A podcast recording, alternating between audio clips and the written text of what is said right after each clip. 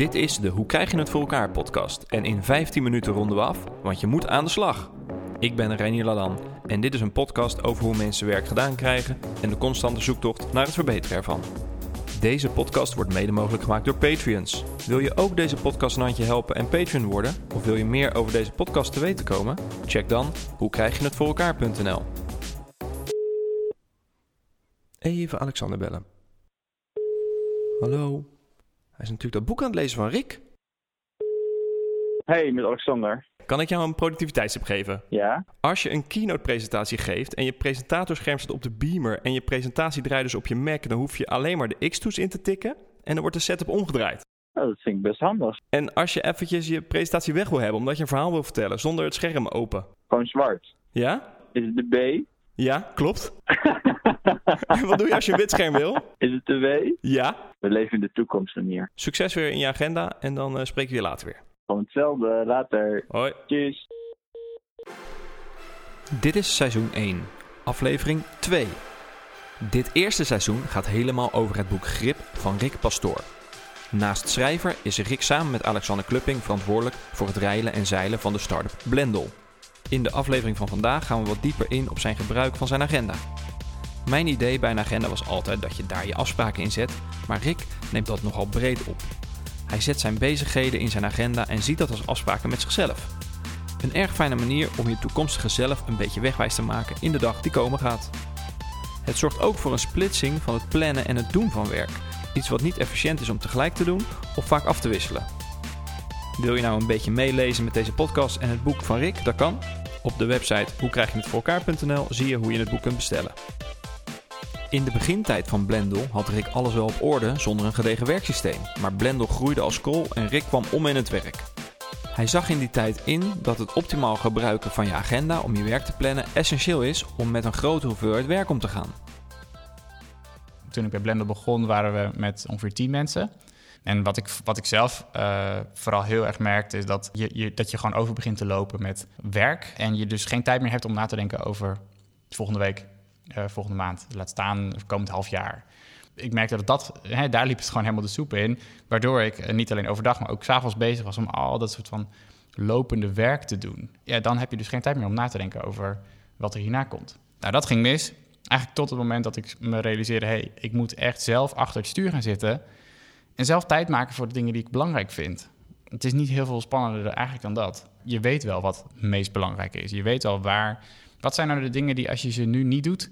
je over een half jaar in de problemen komt? Nou, als ik dat zeg, dan komen er vanzelf dingen bij je omhoog. Oh ja, dan moet ik eigenlijk toch eens even een soort van plan maken... over hoe ik nou uh, echt tot een nieuwe versie van, van mijn product wil komen... of tot een nou ja, uh, de, mensen die ik wil aannemen in mijn team of, of, als, als, uh, of gewoon het werk wat ik wil doen. Hè? Dus, dus er zijn, door met die vraag te beginnen, merkte ik zelf ook van ik ben gewoon niet met de juiste dingen bezig.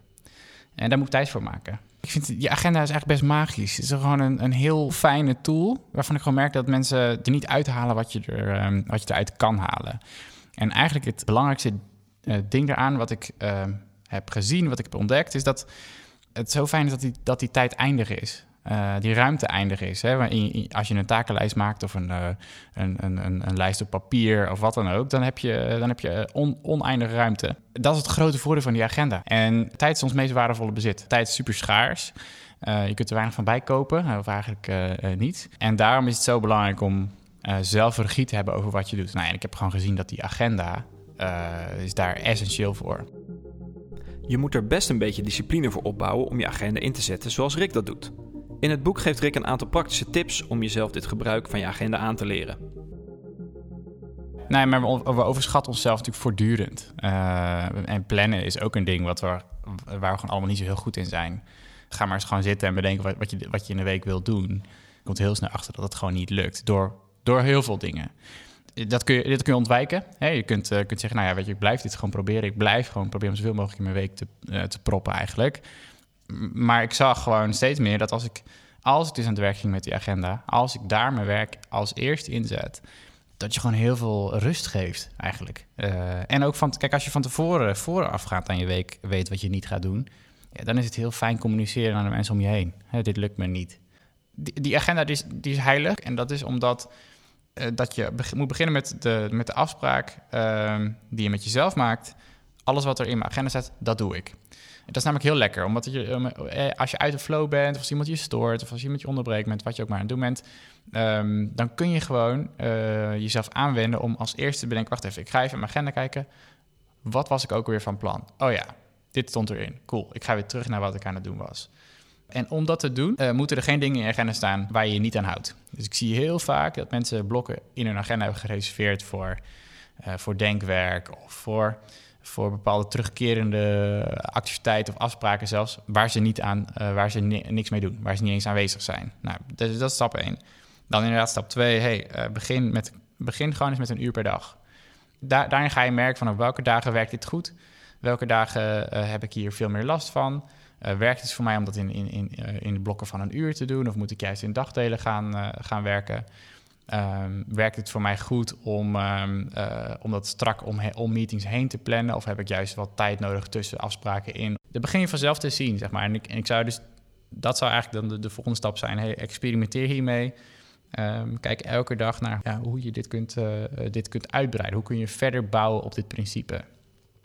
van, van wat er staat, dat doe ik eigenlijk. Er bestaat zoiets als Parkinson's Law. Dat is de wetmatigheid dat het werk dat je wilt doen de tijd inneemt die je ervoor plant. Dit heeft zo zijn grenzen, maar het gaat vaak op. Plan je bijvoorbeeld een meeting van een uur, dan duurt die meeting ook vaak een uur. Terwijl als je die meeting voor een half uur had ingepland, die meeting waarschijnlijk maar een half uur had geduurd. Als dat daadwerkelijk zo uitpakt, uh, dan heb je natuurlijk al heel veel gewonnen.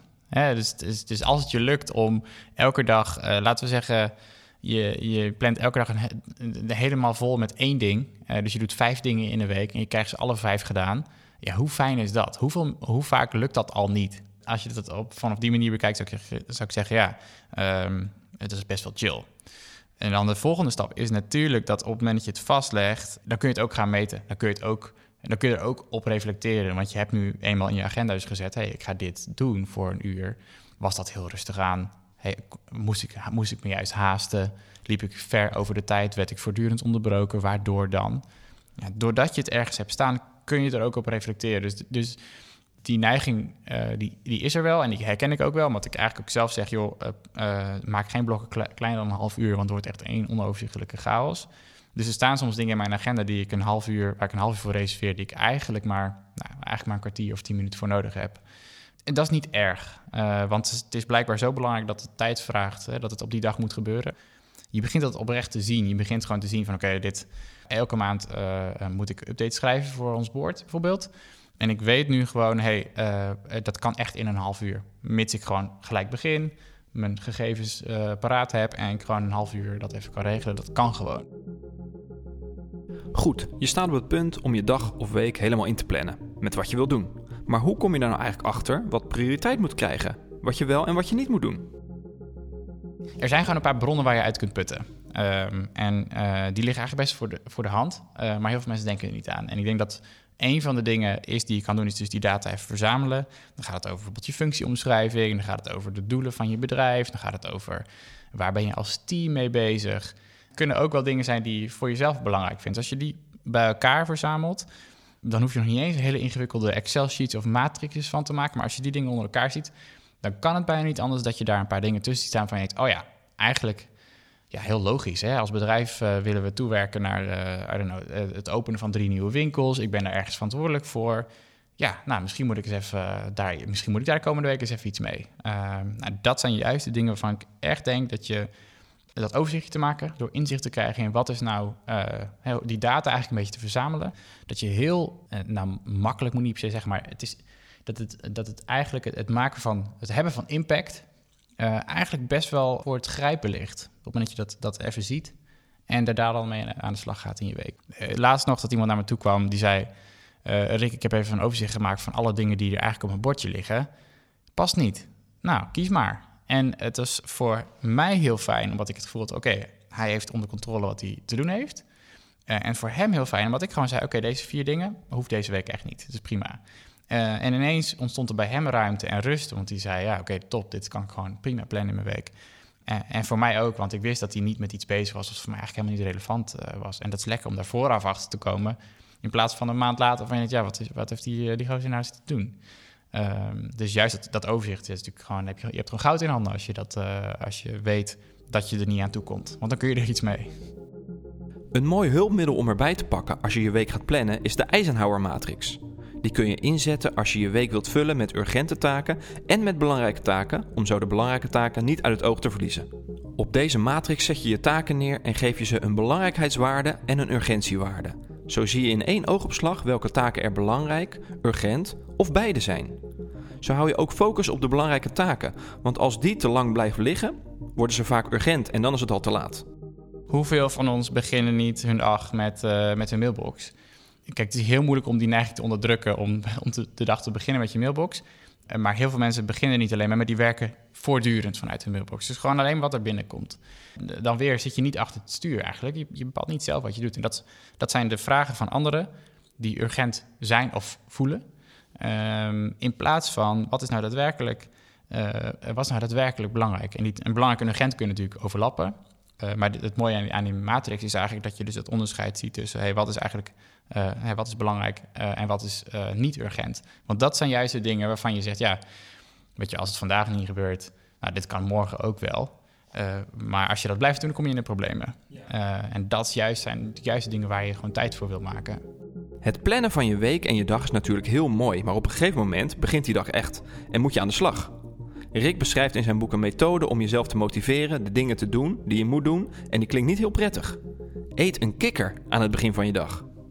Als er één ding is wat je kan doen om meer, uh, meer belangrijk werk gedaan te krijgen, is het gewoon eerder doen. Ik heb dat iedere keer in het weekend. Uh, dan schrijf ik dingen voor me uit. En dan is het, weet je je zit je zaterdag uh, te irriteren, zit je zondag te irriteren. En je weet gewoon, oké, ik moet dit hele irritante klusje nog doen. Doe dat dan gewoon gelijk, zaterdagochtend 10 uur. Dan ben je er gewoon vanaf. En dit, ik geloof wel dat dit een ding is wat je een beetje kan trainen. Uh, waarin je jezelf kan aanwennen om uh, op het begin van de dag, zo vroeg mogelijk, even dat ene ding te doen waar je heel erg tegenop ziet. En dat is ook het idee van, die, van het eten van die kikker. Waarbij je dat gewoon aan het begin van de dag doet, dan heb je dat gehad. En, en juist dat, dat doen geeft je ook energie voor de rest van de dag. Hè? Omdat, je, omdat je het gevoel van succes al hebt. Uh, dus dat is dat, dat principe. En ik denk dat, ja, wat ik zei, ik denk dat je dat kunt, kunt trainen. Als ik dit zo allemaal hoor, dan heb ik gelijk zin om mijn agenda erbij te pakken en mijn hele week in te gaan plannen. Ik hoop dat dat bij jou net zo is. Nog even een samenvatting van wat er in de aflevering allemaal voorbij kwam. Maak met jezelf de afspraken dat je agenda heilig is. Vind je het een te grote stap om een hele week vol te plannen, dan kun je prima met een uur per dag beginnen. Maak gebruik van de doelen van je bedrijf, van je team en van jezelf om te bepalen wat voor een werk je gaat oppakken in de week. De Eisenhower-matrix kan je ook helpen bij het bepalen van wat belangrijk is en wat niet. En begin de dag met het eten van een kikker. In de volgende aflevering gaan we het hebben over een takenlijst en wat voor een plek die inneemt naast je agenda. Tot de volgende aflevering. Heb je een vraag aan Rick of aan mij over slim werken? Stel hem op hoe krijg je het voor elkaar.nl en misschien behandelen we je vraag in een van de volgende afleveringen.